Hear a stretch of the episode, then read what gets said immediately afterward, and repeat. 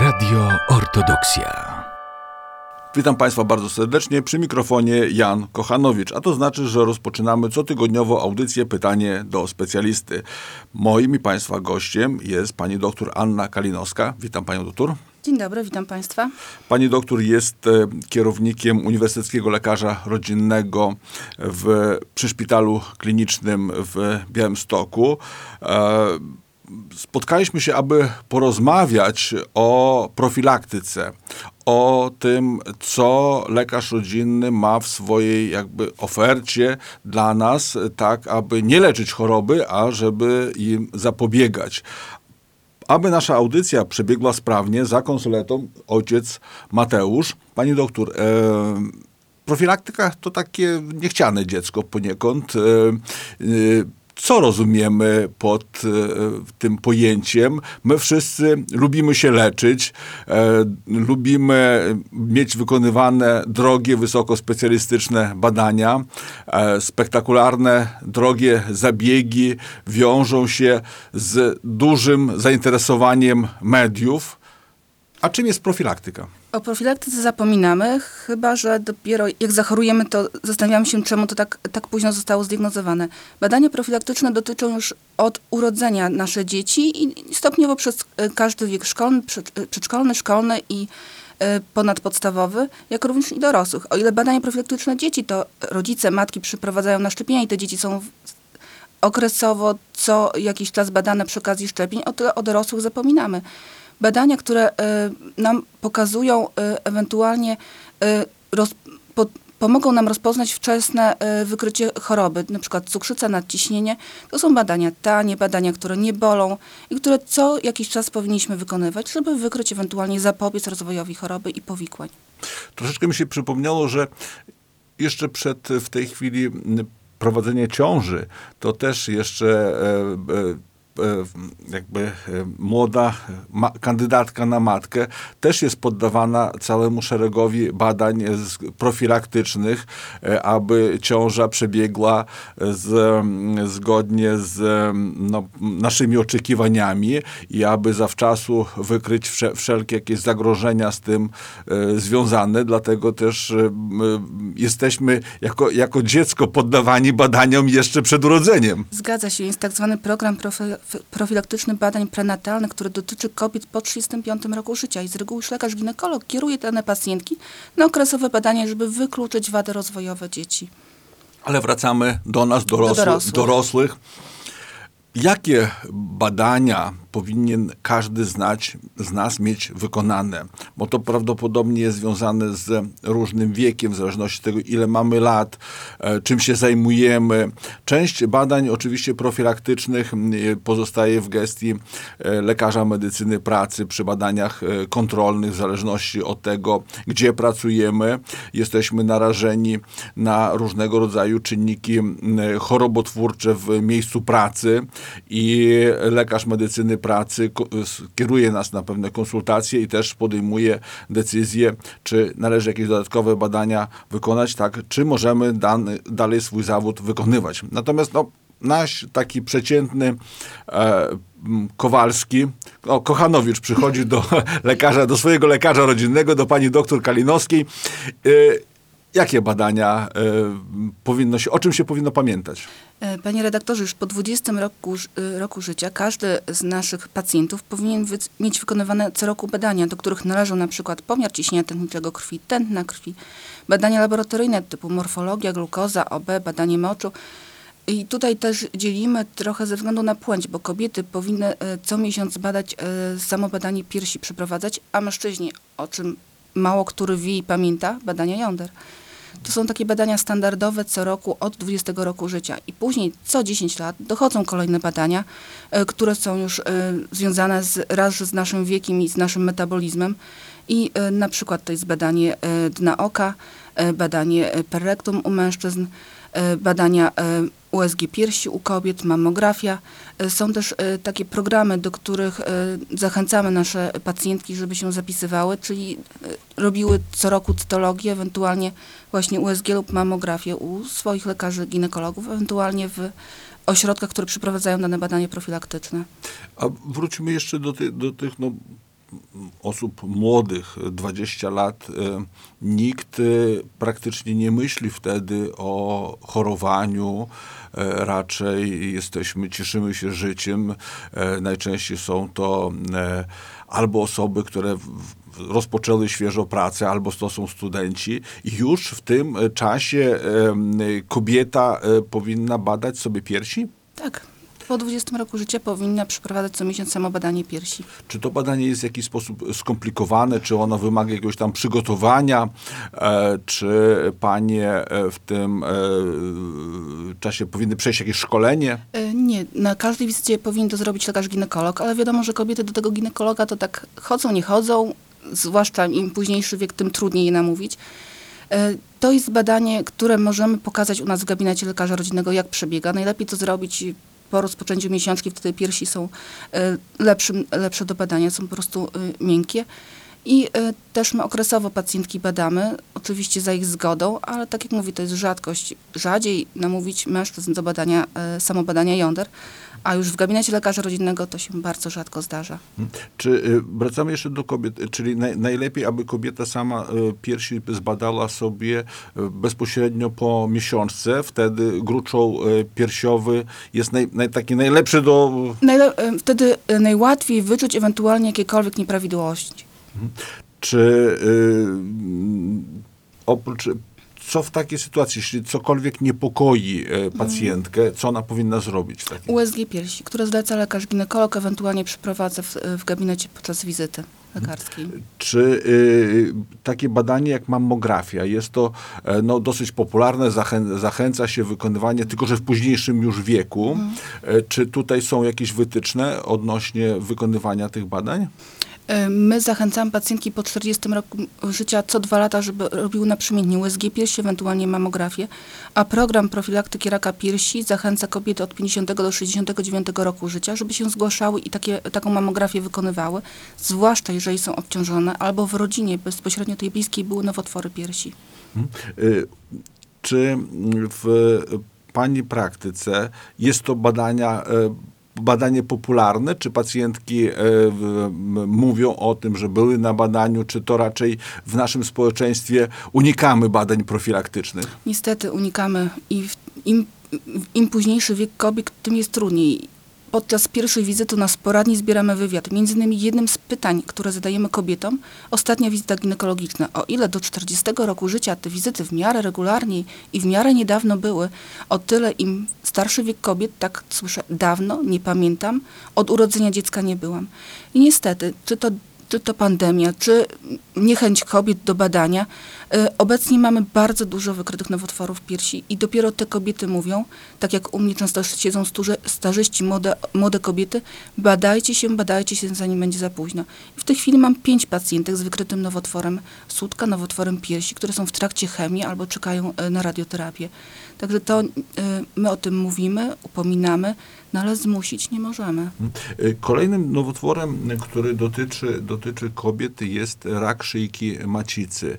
Y, tutaj też chyba mówimy o badaniach profilaktycznych, e, które no nie są popularne. E, kilka lat temu e, w studiu u nas gościł pan profesor Knap, który podał przerażającą statystykę, że 25% kobiet, które powinny przechodzić regularne badania e, w kierunku raka szyjki i macicy, e, badania cytologiczne, e, tylko 25% zgłasza się na badania, natomiast mimo, że one otrzymują zaproszenie, to te zaproszenia są ignorowane.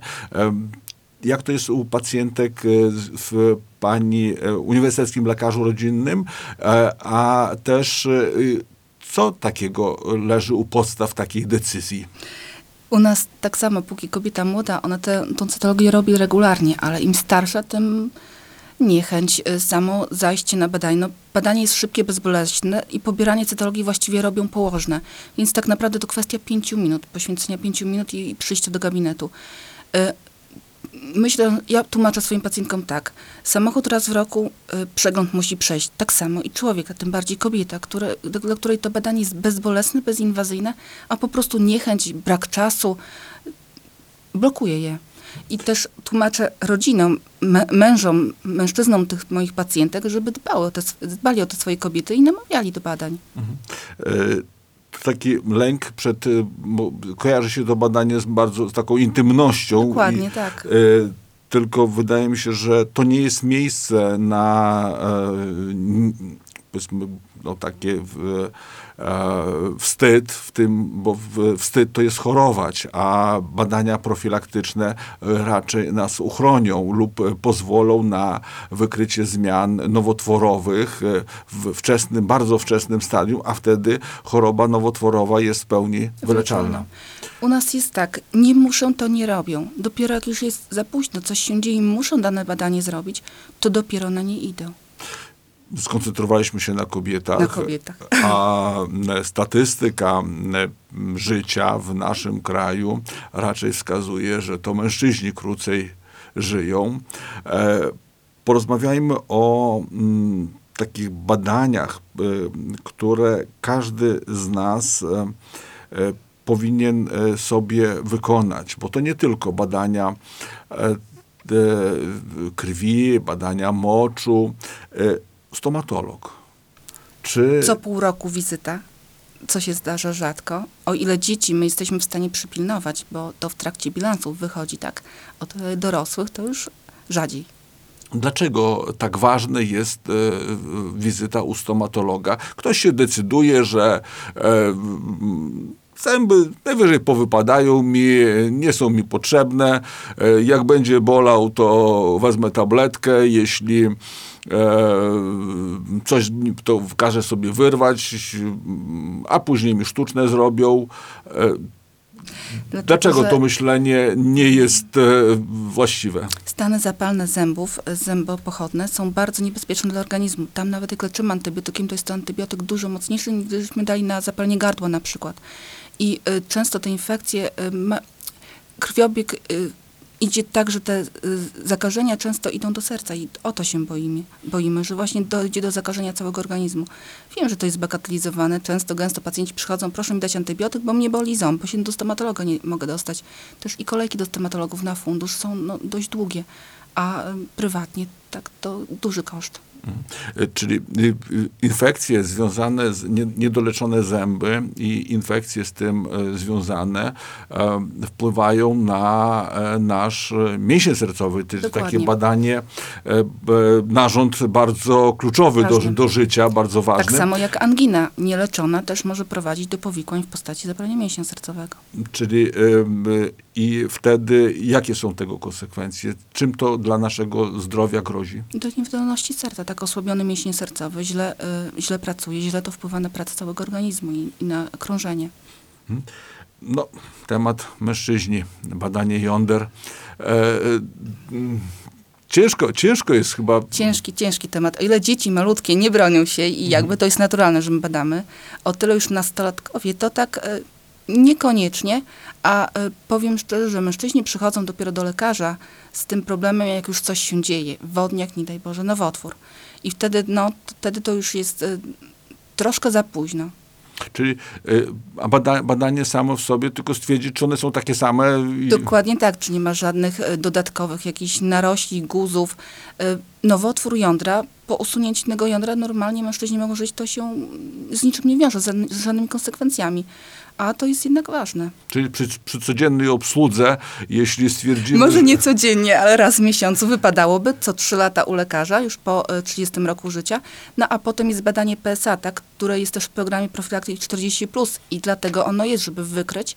I powiem szczerze, że wśród moich pacjentów, którzy brali udział w tej profilaktyce, zdarzyły się dwa nowotwory jąder w, w, trakcie, w trakcie tak. badania tego profilaktycznego. Dokładnie tak. Hmm. A y, wspomniała pani doktor o badaniu PSA. Mhm. To taki skru, y, badanie, które co ma na celu? Y, jeżeli jest podwyższone, może świadczyć o nieprawidłowym pracy gruczołu krokowego, o powiększeniu. I dalszą konsekwencją tego jest USG, badanie per rectum przez lekarza i dalsze jakby postępowanie w zależności od tego, jak, jaki jest wynik, jakie jest obciążenie pacjenta. To już leczenie dalsze prowadzi urolog i powiem szczerze, wystarczy wystarczy tylko wypisać tabletki i wszystko jest w porządku. I okresowa kontrola później. Mhm. E, pani doktor, e, poza badaniami takimi podstawowymi, em, dlaczego badamy poziom cukru? Czy mm, to jest tak duże zagrożenie w społeczeństwie, że powinniśmy o tym pamiętać?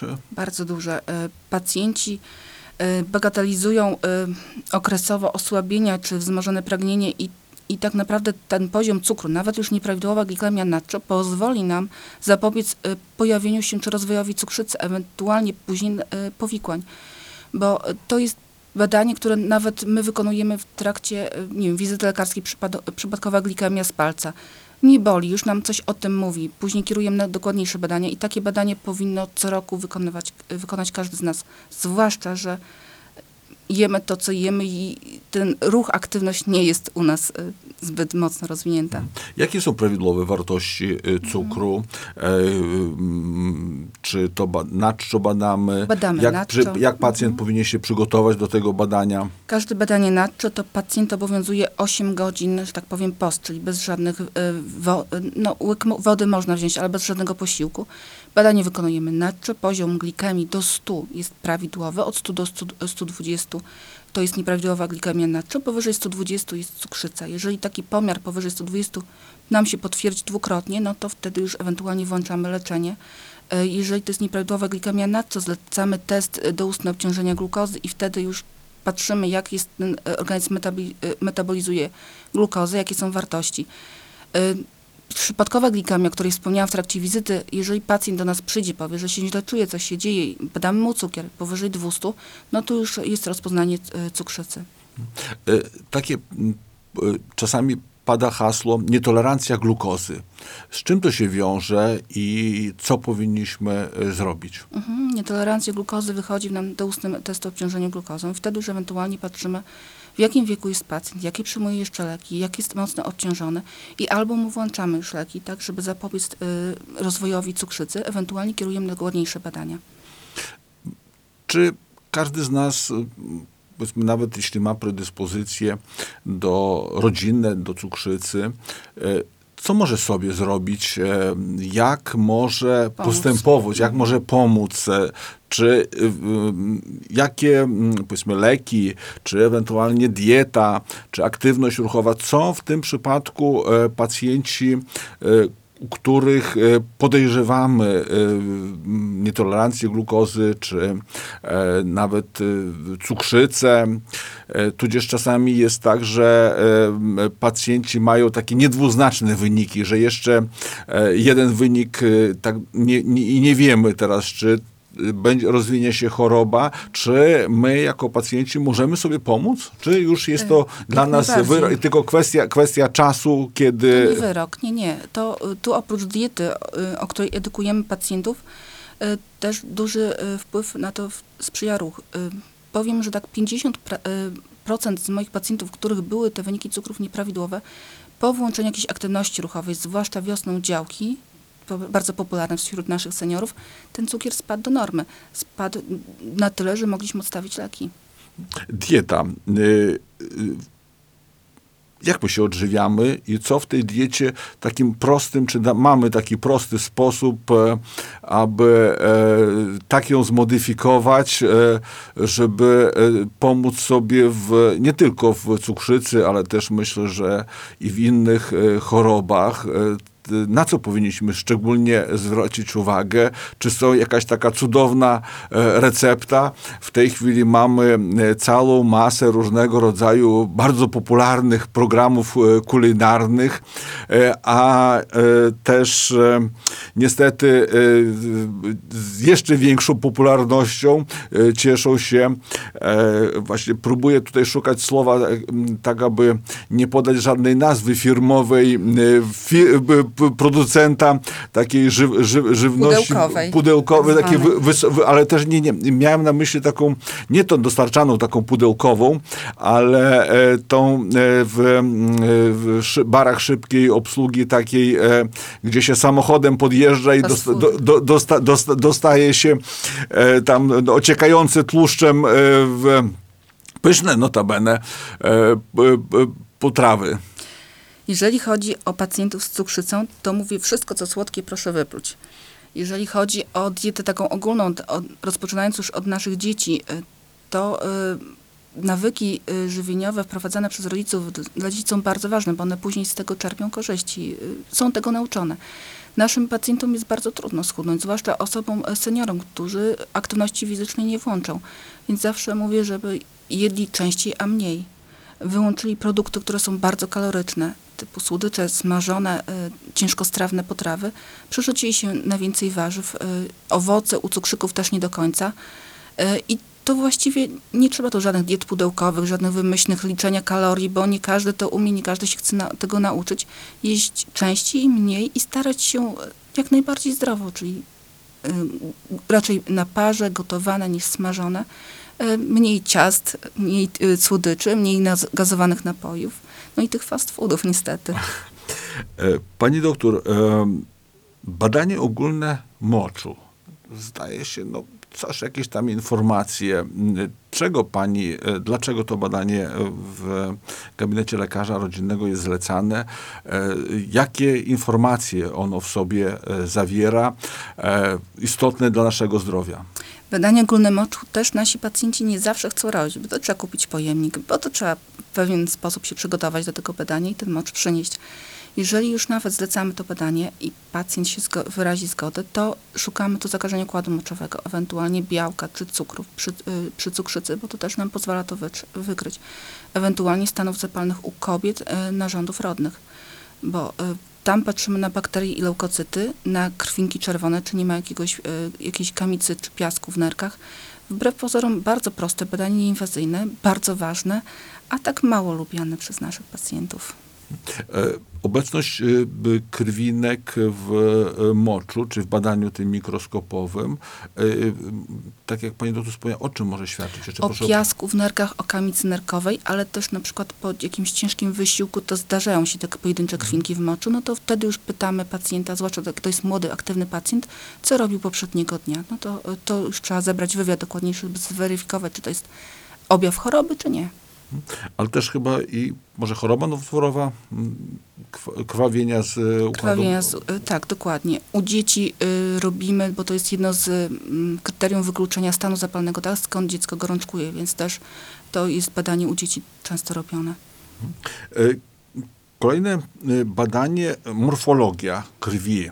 No, raczej jest e, to, mm, no, krew mamy raczej stabilną, raczej nie, jeśli w miarę m, regularnie się odżywiamy, nie mamy żadnych niedoborów żywieniowych.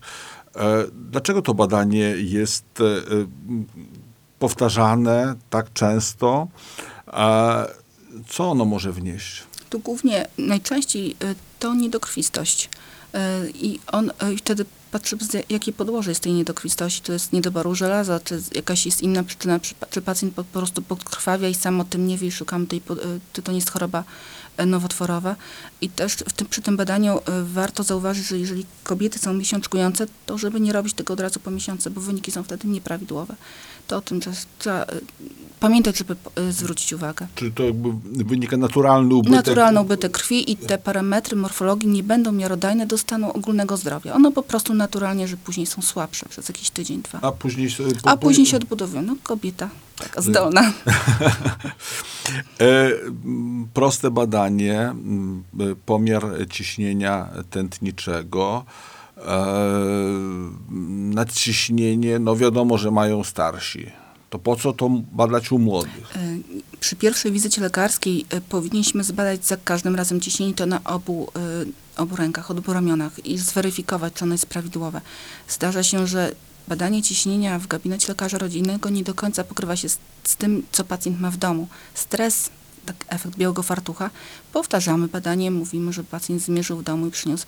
Tu wbrew pozorom y, badanie u młodych osób jest y, moim zdaniem słuszne, bo wcześniej zdiagnozuje chorobę, jeżeli już.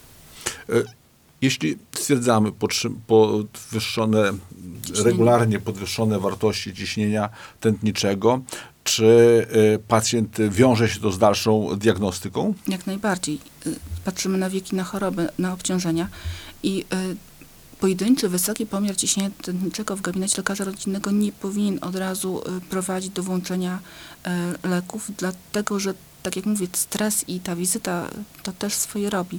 Prosimy pacjenta, żeby pomierzył w domu, żeby uznał w kontakcie telefonicznym, ewentualnie następnego, czy tam za parę dni przyszedł z tymi pomiarami. Też często, gęsto prosimy pacjentów, żeby przynieśli swój ciśnieniomierz i mierzymy i naszym, i pacjenta, żeby zweryfikować, czy pomiary są prawidłowe. Potem włączamy leczenie, oczywiście też i dieta, i aktywność fizyczna, jakby całe to takie przygotowanie, w zależności od tego, w jakiej stopień nadciśnienia y, i takie leki przepisujemy. Przy okazji badamy lipidogram, patrzymy, czy tutaj nie ma hipercholesterolemi, który też powinniśmy co 5 lat po 30 roku życia badać u pacjentów profilaktycznie. E, badanie RTG klatki y, piersiowej. E, swego, jeszcze próbuję sobie przypomnieć, ale kilkanaście lat może. Było regularnie robione. Było badanie się. regularnie w badaniach okresowych. Osoby starsze pamiętają, że e, w badaniach okresowych pracy e, wykonywaliśmy RTG klatki piersiowej. Było to badanie mm, spowodowane raczej takim zagrożeniem gruźlicą. W tej chwili z tego zrezygnowano. Pani doktor jednak proponuje, abyśmy takie badanie wykonywali. Dlaczego? Jak najbardziej. Co roku palacze i co 5 lat osoby po 40 roku życia, ewentualnie jeżeli mają jakieś dolegliwości. Bardzo dużo y, zmian w płucach jest wykrywanych za późno. W związku z tym, że nie są to badania, tak jak y, pan redaktor powiedział, obowiązkowe, to pacjenci je też bagatelizują. A potem to już no, często jest za późno, tak już nowotwór płuc, płuc rozsiany i czasami po prostu już za późno, żeby podjąć jakiekolwiek leczenie. Czyli jest to jakby badanie, e, które pozwoli nam na wczesne wykrycie zmian, zmian. nowotworowych e, płucach. w płucach. Mhm. E, palacze częściej. Dlaczego? Częściej co roku. Samo palenie tytoniu jest jednym z czynników ryzyka rozwoju, rozwoju nowotworów płuc. Pani doktor, inne badanie. No, lat nam przybywa i pojawia się badanie związane z lipidogramem, z tym, jak nasza gospodarka lipidowa, jak nasze cholesterole, te cholesterole pozytywne, negatywne, trójglicerydy, e, jak to badanie no, zleca, jest zlecane, wykonywane z, z, krwi. Na co zwracamy szczególną uwagę w ocenie? Jeżeli chodzi o lipidogram, to są cztery wartości. Cholesterol całkowity, HDL, LDL i trójglicerydy. I w zależności od tego, który z nich jest podwyższony, w jakim stopniu, włączamy leczenie. I to badanie zlecamy już pacjentom po 20 roku życia co 5 lat. Robimy też taki, taką ankietę pod kątem hipercholesterolemi rodzinnej, bo czasami pacjent jest szczupły, chudy, a ma już wysokie cholesterole. I to wbrew pozorom się często zdarza nawet u osób przed trzydziestką. Czy y, możemy tutaj w jakiś sposób e, sobie e, pomóc dietą? Na któreś parametry dieta nam wpłynie? Jak najbardziej, czyli mniej tłuste, mniej smażone, bardziej gotowane. Pacjenci są bardzo y, oporni na leczenie. Nie chcą włączać leków, bo kojarzą, że to już na, na całe życie.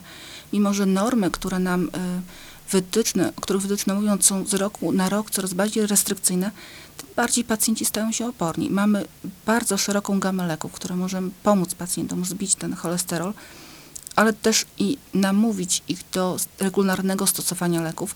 Regularnego, bo dostają, biorą, a potem przestają i te cholesterole podwajają się. Jest bardzo trudno. Hmm, rozumiem.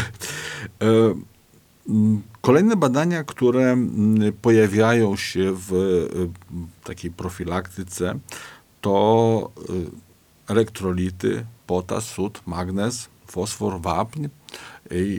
Oceniane raz na trzy lata. E, o czym te badania świadczą i dlaczego są tak ważne? Nieprawidłowy poziom elektrolitów e, świadczy o pracy nerek i może wpływać na pracę serca, czyli jakieś kołatanie, zaburzenia rytmu serca. I to często, e, często nam właśnie pokazuje EKG, że są nieprawidłowe elektrolity. Tak jak e, elektrolity też EKG robimy, my tak często z przypadku na pierwszej wizycie pacjentów, a regularnie 140, po 40 roku życia, to dobrze by było EKG wykonywać. Mhm. E, pani doktor, e dużo, dużo takiego jakby zainteresowania medialnego, ale też chyba i za sprawą e, dużej aktywności e, promocyjnej e, przez firmy farmaceutyczne to magnes jest takim e, pierwiastkiem, e, który nam, jeśli będziemy go suplementować, to nam pomoże na, wszy wszystkim. na wszystkim, na wszystkie nasze boleści, dolegliwości, znuż znużenie, nad, na nasze znużenie, na naszą nadaktywność. Koncentrację, skurcze. Jak to w rzeczywistości jest i dlaczego ten magnes jest tak ważny?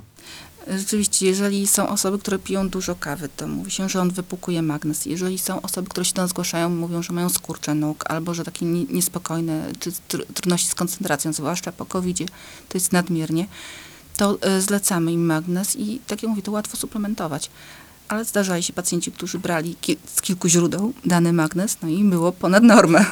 Y, czy wtedy jest to też jakby niepokojące? Niepokojące, bo również może doprowadzić do zaburzeń rytmu serca i dobrze by było, żeby...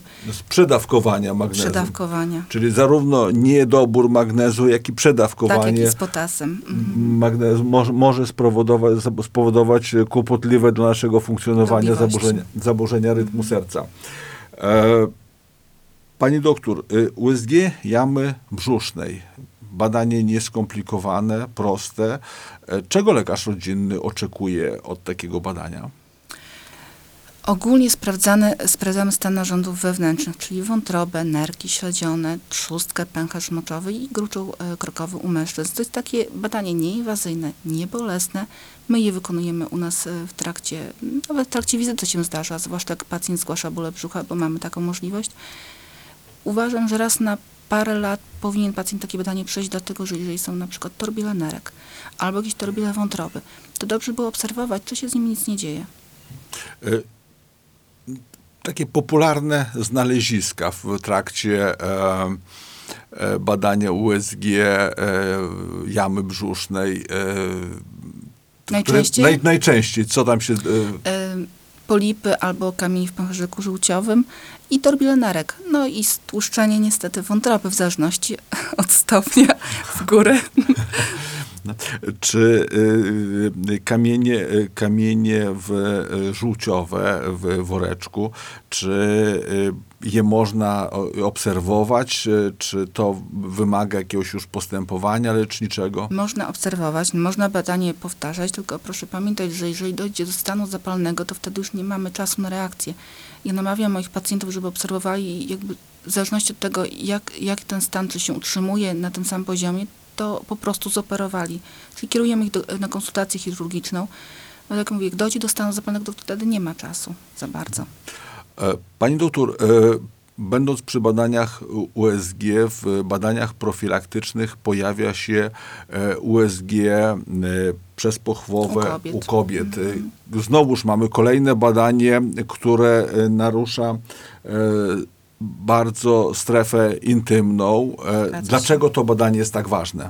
E, to jest, uważam, że jedno z najważniejszych badań, bo ono idealnie obrazuje narządy rodną kobiety, czyli jajniki, a pamiętajmy, że nowotwór jajnika jest bardzo trudny do wyleczenia, wręcz niemożliwy czasami za późno zdiagnozowany niestety doprowadza do śmierci pacjentki.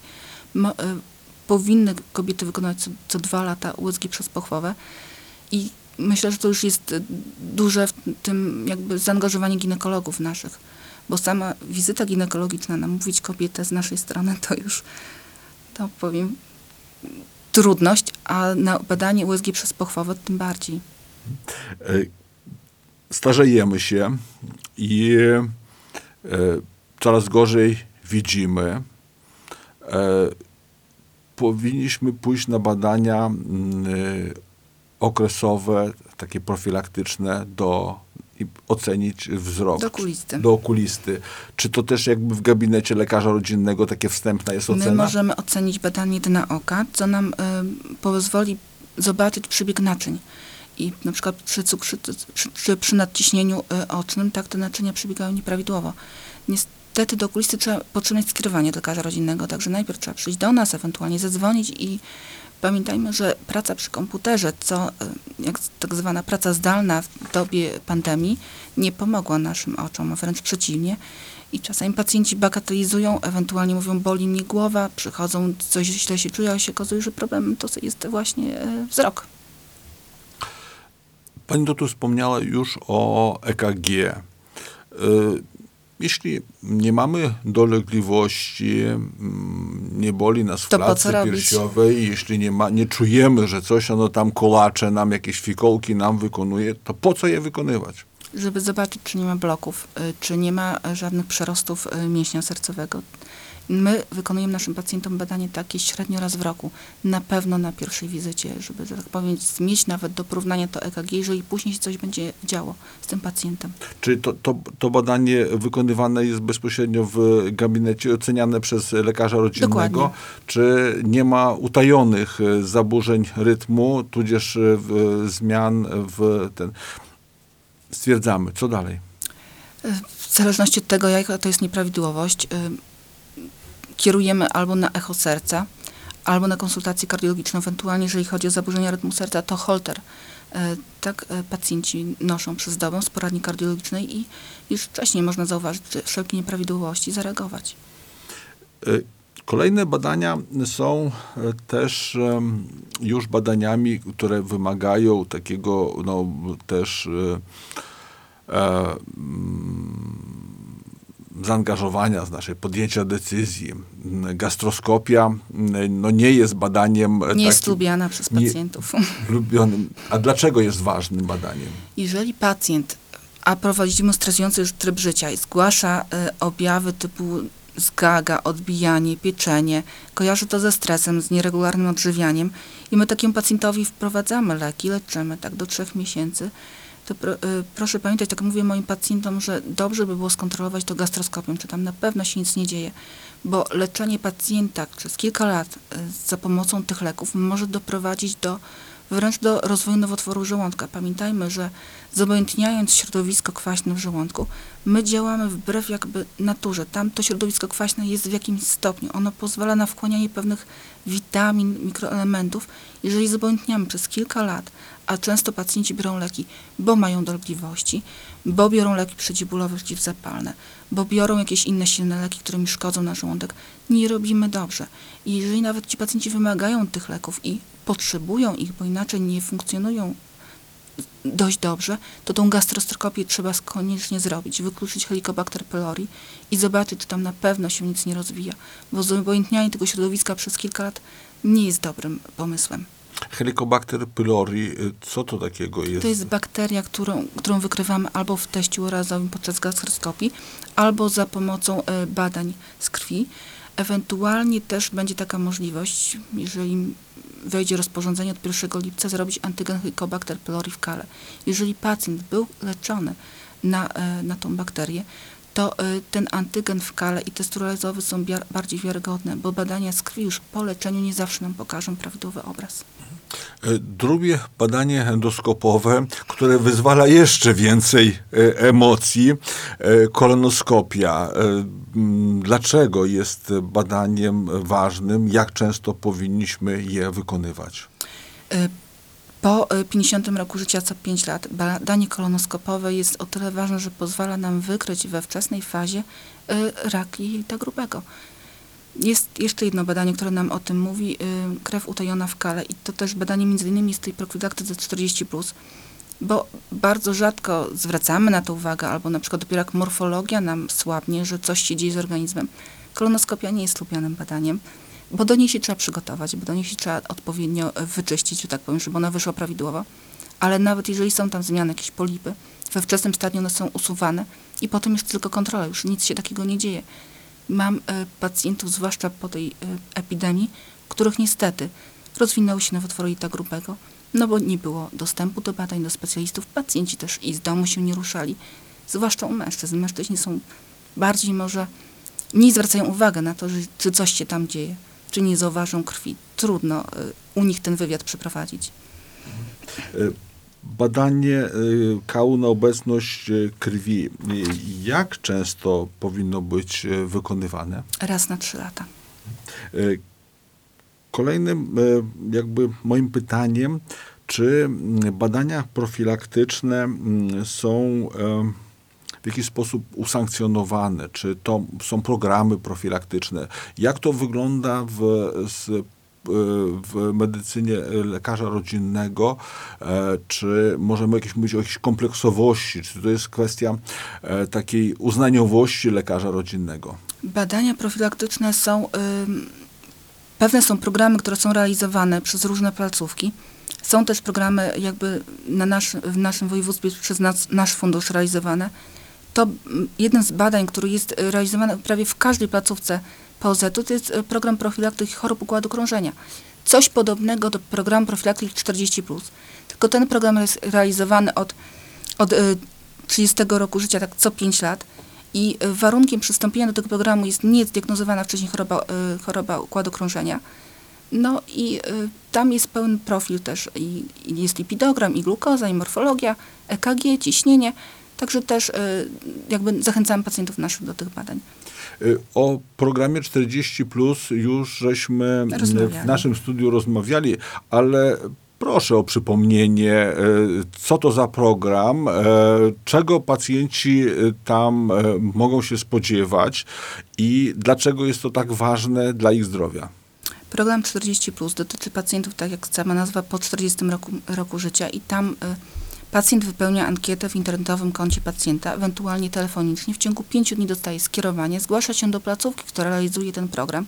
Najlepiej by było, żeby już zgłosił się z próbką kału, jeżeli takie, e, takie wytyczne dostanie po wypełnieniu ankiety, ewentualnie z moczem, to jakby załatwi to za jedną wizytą. Mierzymy e, ciśnienie tętnicze, e, wagę, wzrost, wliczamy BMI, talię i taki pacjent ma pobieraną krew.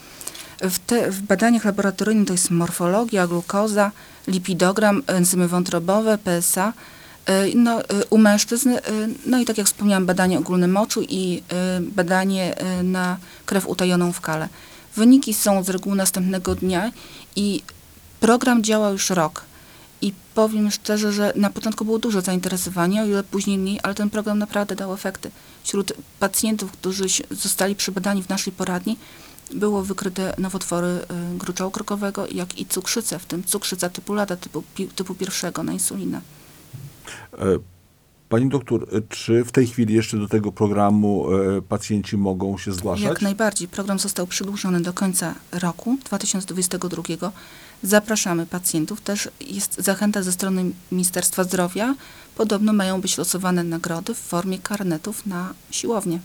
To też jakby w, w aktywność ruchowa w ramach, w ramach profi, profilaktyki. E, unik, unika, unikamy badań okresowych, a tutaj mamy e, w, badania, e, badania połączone raz z e, aktywnością ruchową. Dokładnie. E, Na co powinni pacjenci zwrócić uwagę jeszcze w, słuchając naszej audycji? E, O czym powinni pomyśleć takim podsumowaniu, abyśmy e, takim przesłaniem e, aktywność ruchowa, dieta, Aktywność, dieta i proszę Państwa, proszę pamiętać, że badania profilaktyczne są dla Was, dla Państwa, żeby wcześniej zapobiec, wykryć. Nam jest łatwiej zapobiec chorob, chorobie we wczesnym stadium niż leczyć powikłania, bo potem to już takie koło zamknięte jedno, y, leki szkodzą, aktywność fizyczna nie jest możliwa, bo już jest nadwaga, otyłość. Także o tych badaniach profilaktycznych proszę pytać swoich lekarzy rodzinnych, jakie, kiedy. Proszę y, dowiadywać się, gdzie są realizowane badania profilaktyki, bo to, są badania profilaktyki ogólnopolskie. Są placówki, które realizują dane badania. Na przykład u nas Białostockie Centrum Onkologii, badania y, rak, y, rak płuca, obrzęk limfatyczny i zmiany skórne, tak, pod kątem nowotworów skóry. I takie badania są za darmo. Wystarczy przyjść na daną akcję czy dany dzień i je wykonać. Dziękujemy Państwu za wysłuchanie naszej audycji. Ja bardzo dziękuję pani doktor Annie Kalinowskiej z Uniwersyteckiego Lekarza Rodzinnego w Białymstoku. Dziękujemy dla ojca Mateusza, że cierpliwie poprowadził naszą audycję. E, dziękuję pani doktor. Dziękuję Państwu, dziękuję panie redaktorze. E, nie pozostaje mi nic innego, jak zaprosić Państwa na kolejną audycję z cyklu Pytanie do specjalisty. Do usłyszenia. Do usłyszenia. Radio Ortodoksja.